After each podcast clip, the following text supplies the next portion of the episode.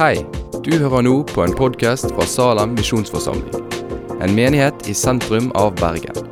Vil du vite mer om oss eller komme i kontakt med oss, gå inn på salem.no. when I was 18 years old for Bible school. Um, I was there for four and a half years.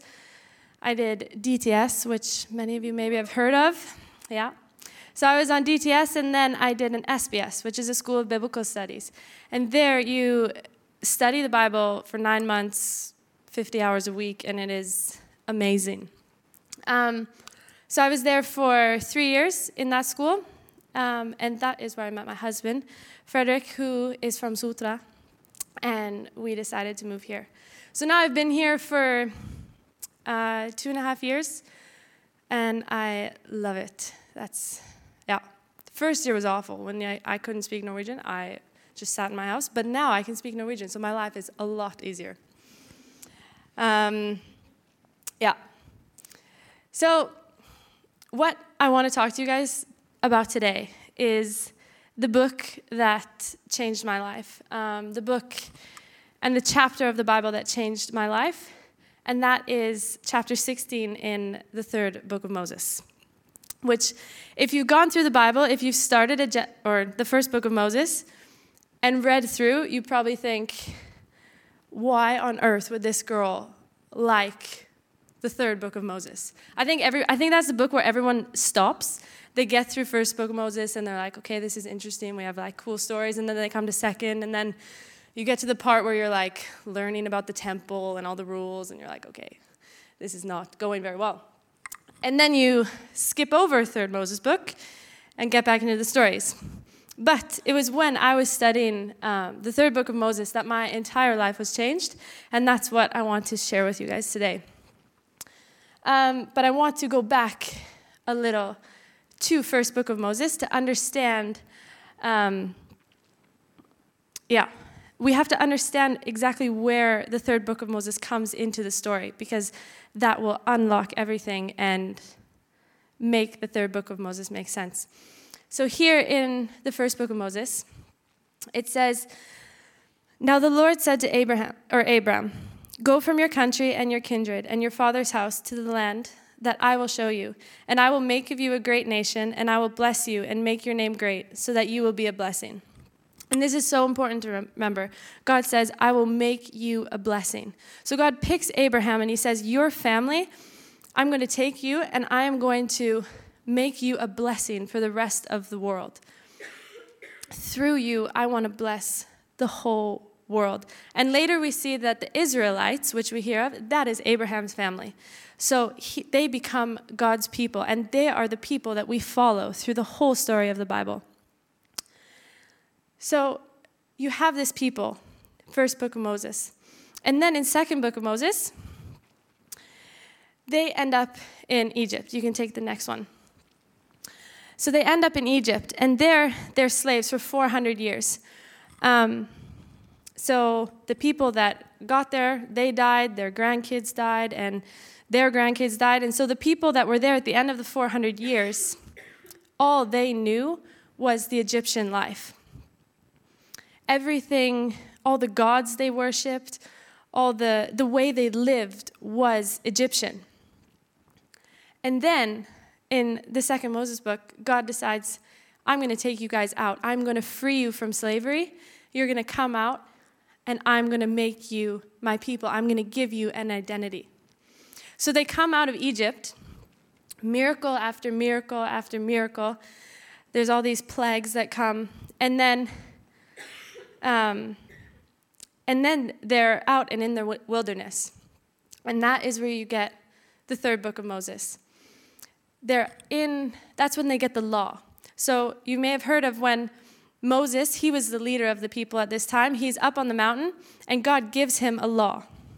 And that is the third book of Moses. And that's why when we read it, I will I agree that this book is boring to read. You sit there and you're like, okay, I have to read a whole chapter on who you can have sex with, who you can't have sex with. There's like an entire chapter on like don't sleep with your aunts, uncles, cousins, whatever. And like don't if you're sick, you have to leave the Like, there's so many details in this book that it is painful to read. But all these laws are important, and God's heart behind them is absolutely incredible. Um, so they're coming from Egypt. I have, I actually have a friend here. Um, she lived in a country in the Middle East, and she came back a year ago. And she's Norwegian, but she's lived there since she was one years old. And so she came back, and everyone kind of expects her to be Norwegian, and she can speak Norwegian, and um, but for her, she's not coming home. Even though she's Norwegian, her identity, everything she knows, is the life she had when she was a missionary kid. And so it's the same with these people that are coming out of Egypt. Everything they know is that life in Egypt. And so they come out, they're in their wilderness, and then they're about to go to Canaan. That law word is supposed to be under third Moses books. That doesn't make sense. But anyways, so they're going to Canaan. And in Canaan, this is the promised land.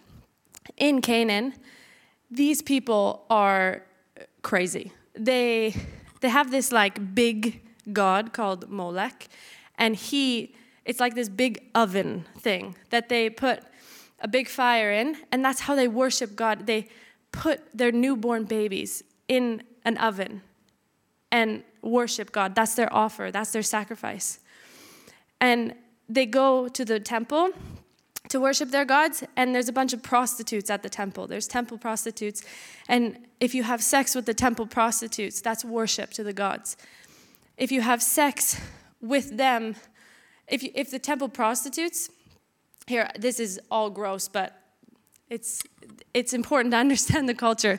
But if, you, if they would go and if the temple prostitute was on her period and then they had sex, that was even better worship. So, this is the kind of worship that was in Canaan at this time. And this is where God is sending his people. This is where God is saying, This is going to be your land. This is where, this is the promised land. You're going to come and you're going to take this land and I'm going to give it to you. So, with this in mind, they're coming from Egypt, they're going to Canaan. God needs to tell them who they are. He needs to give them an identity and show them, You are my people. You are not like the Egyptian, Egyptians, and you're not going to be like the Canaanites. And so he needs to protect them from what they're going into, and he needs to take them out of Egypt, or take Egypt out of them. And so you have the book of Mo- or the third book of Moses. It is law after law. That's why there's an entire chapter of who not to have sex with because they use sex as worship. There's an entire chapter of women on their periods. They had to leave the whole camp because God said, "I don't want that anywhere near my house of worship." There was diseases, there was all sorts of things that when we read we're like, "Why can't she go to the temple?" Like every it's it's not like girls today can't go into church if they're on their period. It's like that would make no sense. And so I get that it's so boring to read through this book, but God's heart behind it is saying, I want you to be my people. Your worship needs to look different, and it cannot look like everybody else because you are my people and you are set apart for me. He says, You need to be holy because I am a holy God. And a holy God deserves a holy people. In the beginning of in, the beginning of Third Moses book, um, he says it's it's chapter after chapter of all these different offerings, and God is what He's doing is He's showing His people how to worship. They don't know how to worship. They've been in Egypt for 400 years. And they don't know how to worship him. And so he tells them, he, he gives them step by step. I want you to worship me like this. I want you to worship me like this. This is how you do it. And be holy. Follow exactly what I've said because this is how my people worship me. This is what my people look like. That's in the first seven ish chapters. And then we come to the chapter that um, I want to spend most of our time in today, and that is chapter 16, which is the Day of Atonement or the um, Forsoningsdagen. Um, we can take the next slide. So here you have a picture of, of the temple, and yeah, I can just explain a little bit here. So they would come in on that side, and they would have they could do all these offerings to worship God and to atone for their sin, to get um, kind of forgiveness for their sin, and then they could come in, and this part on the very end here, that is called the Holy of Holies, and that's where God's presence was. Now, no one could go into this place except for the high priest once a year. And he would come in once a year and atone for all the sins of Israel.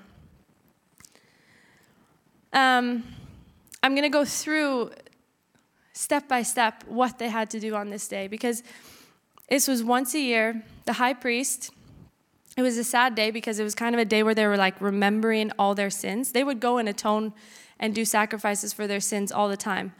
But this day, um, the, the high priest would do it for everybody. So he would go as soon as the sun came up, and he would like bathe himself, he would shower, and then he would put on his holy clothes.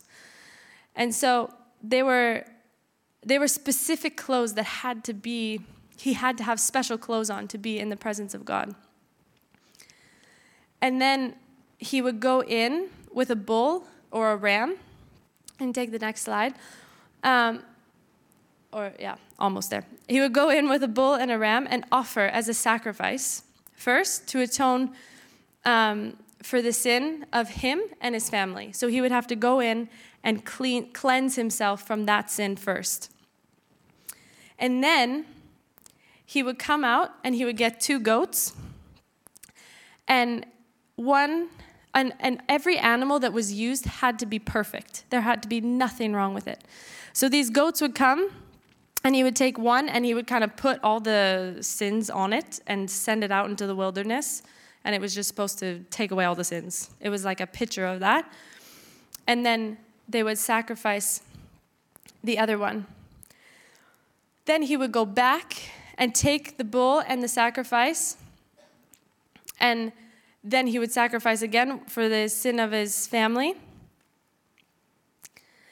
And then, after all this, after he had, I think he ended up having to wash himself five times. And then, after all of this, he could go into the Holy of Holies and atone for all the sins. And what's interesting about this is that when he would go in to the Holy of Holies. He would have a rope around his ankle because if there was sin that wasn't atoned for, atone, that's a weird word, that's for. Um, anyways, but if he hadn't done atone for all the sins, he would drop dead because that's where the presence of God was. The presence of God was so strong that he would drop dead. And so they had this rope here and if he if he didn't come out fast enough, they would just have to pull him out because no one else could go in and get him because they would drop dead too. So he would take the blood from the bull and the ram sacrifice and he would like sprinkle it on the altar. And this is all explained in chapter 16. And then that was making atonement for the sins or like the temple area and no one was allowed in the temple at this time. And so he would go and he would cleanse the whole temple for that year. And then, then he would come out, send that other goat into the wilderness, and take off his holy clothes that he was, because he had to take off the clothes that he was wearing that when he was in front of the presence of God. So after this, and when he had gone in, Two, this is him going in and atoning. He's in the Holy of Holies. He would have to burn incense so that there was smoke between him and the presence of God. Now, you're probably wondering why I just explained that whole thing with the sprinkling and, and all that, because it doesn't apply to us today. We don't have to do that today. But when I sat in my room in Australia and studied this chapter, I sat and I read detail for detail what the high priest had to do to get into the presence of God. And I was like, there's no words to explain really what happened to me, but I was just amazed at how they had to prepare themselves to be in the presence of God. And even if they had to do it absolutely perfect, or they would drop dead and have to be dragged out.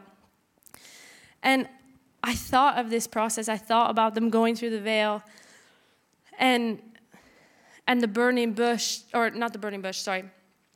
The the presence of God in the holy of holies was so strong that they would drop dead.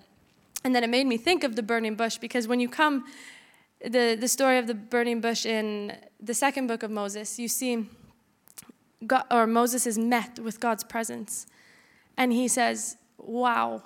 Like, and he, he has to take off his shoes because he's on holy ground and he can't even look. He says, I had to look away because the presence of God was so strong. And then, if you read in Isaiah 6, I want to read that um, for us the first, yeah, five verses, I think. In the year that King Uzziah died, I saw the Lord sitting upon a throne, high and lifted up, and the train of his robe filled the temple. Above him stood the seraphim. Each had six wings. With two he covered his face, and with two he covered his feet, and with two he flew. And one called to another and said, Holy, holy, holy is the Lord of hosts. The whole earth is filled with his glory. And the foundations of the threshold shook at the voice of him who called, and the house was filled with smoke. And I said, Woe is me, for I am lost, for I am a man of unclean lips, and I dwell in the midst of a people of unclean lips, for my eyes have seen the King, the Lord of hosts. It says Isaiah saw the Lord. He's standing there with the Lord in front of him. And all he can say is, Woe is me. I am unclean. He sees the sin in his own life when he's standing in contrast with a holy God and he sees his sin. And he's not even, it says that there's like a seraphim, which is kind of like, I picture like a big bird. I'm not quite sure what a seraphim is, but it covers him with his wings so that you can't, there had to be something in between Isaiah and the presence of God, or was too strong. And, and Isaiah just falls to his knees and he says, I'm unclean, I'm a sinner, you are holy, but here I am, and send me. Send me to do exactly what you want me to do, God, because I see you. And he's in awe of the presence of God. He's in awe and, and just speechless of who God is. And I think, I think the people in the Old Testament have a view of God, or they were given a gift that we don't have. They were given a gift to understand the holiness of God that is so hard for us to understand today. Um, a little, or I, I grew up in a Christian home. I had two Christian parents. Um, my dad was a man that led our church or led our family to church. He he led our family, um, yeah, to Jesus all the time. We we talked about Jesus. We we were a Christian family, and then um, when I was 11 years old, I lost my dad to cancer. And at that point, I mean, I, when you're 11 years old, you can't understand anything. But I was, I was mad at God. I didn't understand that a God that so-called loved me could, um, yeah, let this happen. Um, but my family, we just got busy. I played sports all the time. I played. I was always on playing hockey and baseball and I had I just got so busy because I couldn't handle the loss that I went through and so I just thought okay if we just get busy we don't have to deal with this um, so I did that for the next seven years of my life and um, when I got to high school I got in the wrong group of friends and wasn't really living for God anymore um, I was at church on Sundays, but that was the only part of my life that was Christian. Um, in high school, I just started drinking every weekend. I was partying every weekend. Every Saturday night, I would go to a party, get drunk, and then I would show up at church the next morning. um, often leading worship.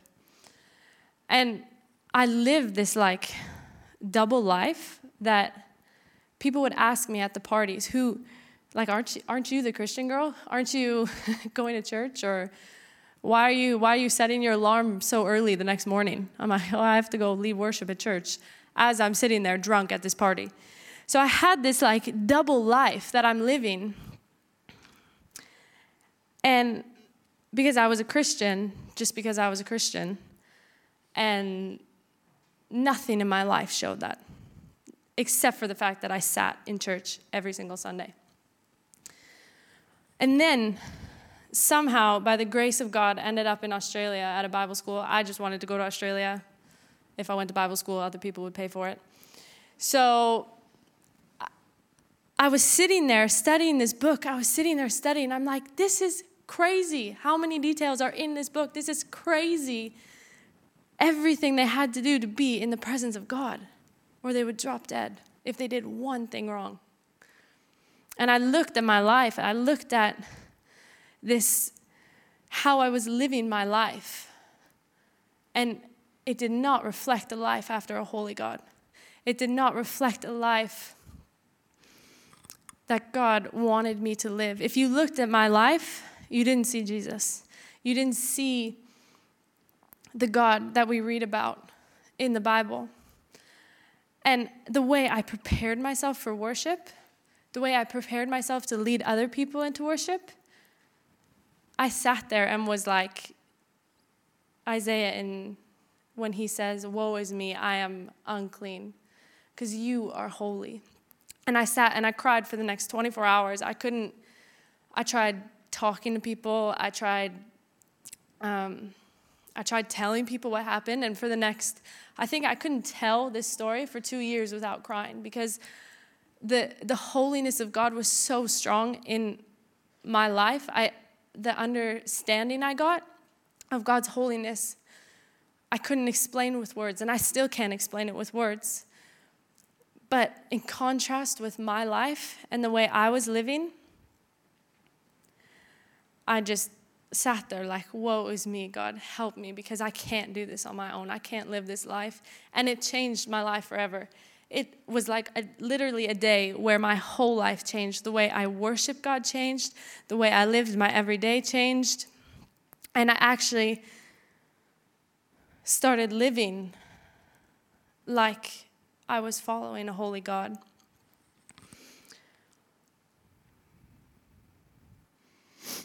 Um, I want to read a verse in Romans. I don't have it on the PowerPoint, but I'm going to read it. Romans chapter 12, um, 1 to 2.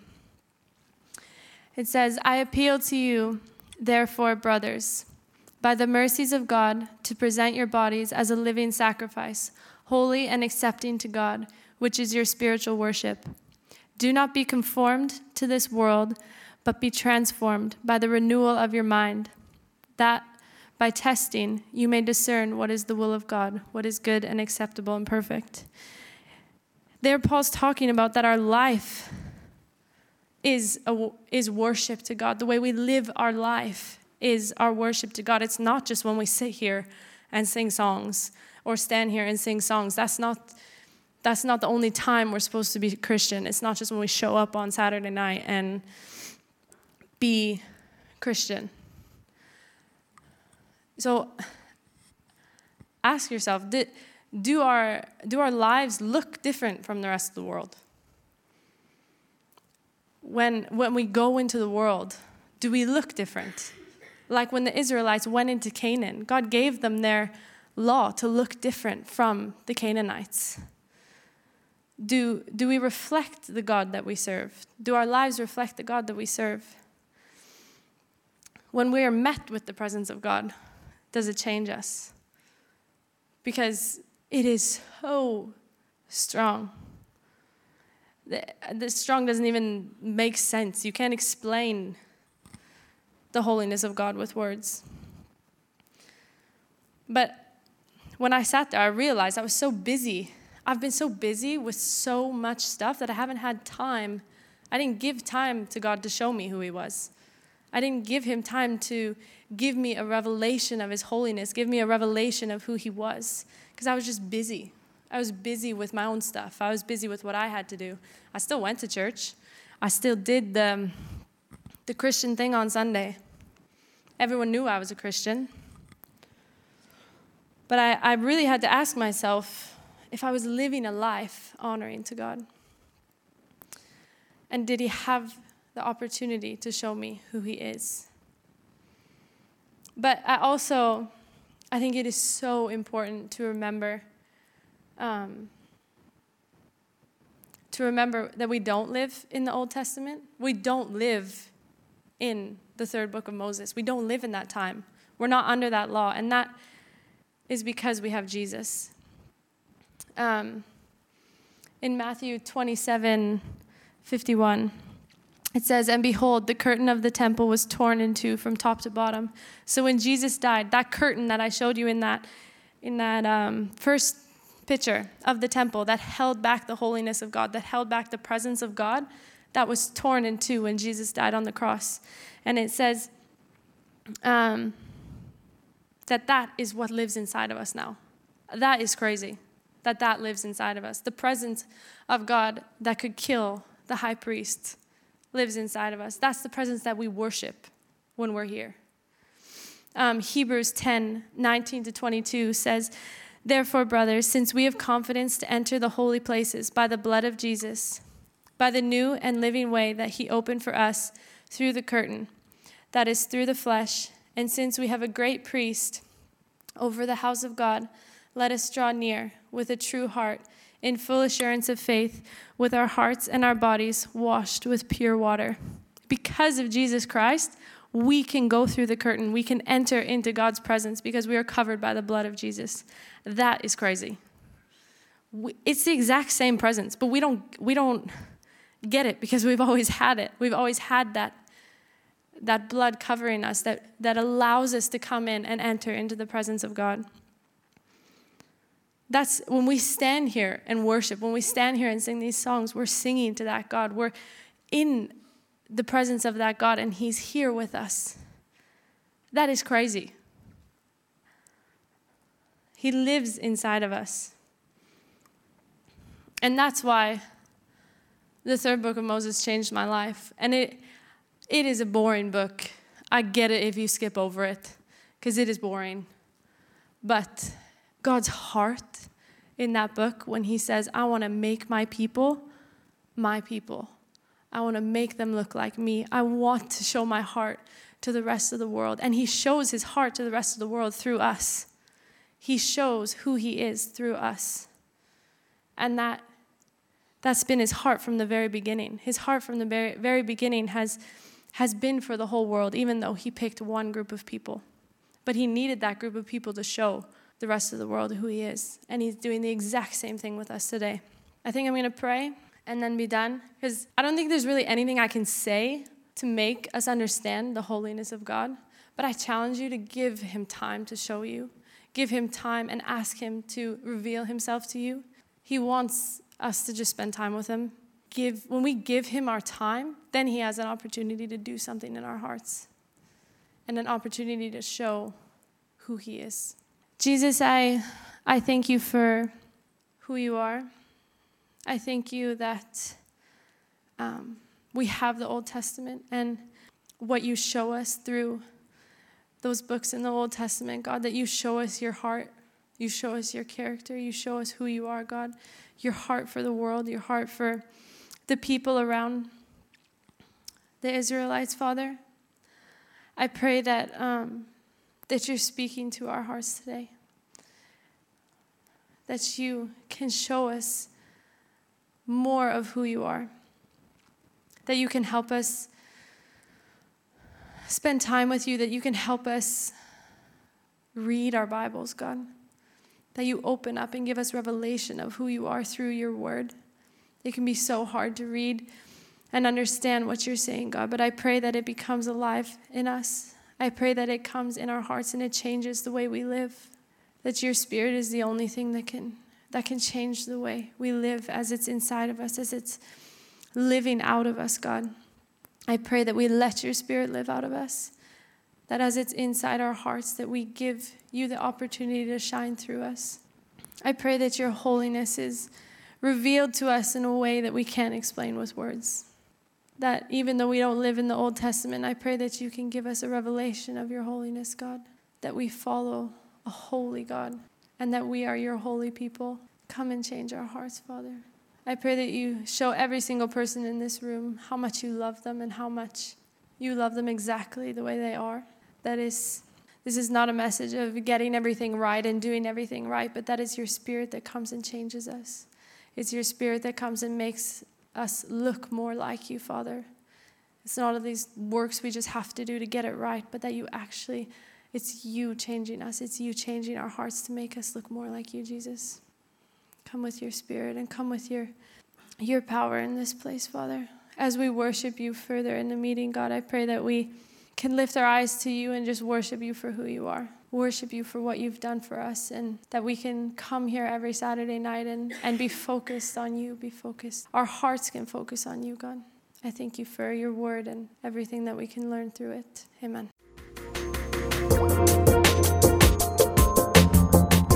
Takk for at du har hørt på podkasten fra Salem, Bergen. I Salem vil vi vokse i et stadig dypere fellesskap med Gud og med hverandre. Vi vil være Jesu hender og føtter, og vi vil være med og forkynne frelse for Bergen og resten av verden. Besøk oss gjerne på salam.no om du vil vite mer.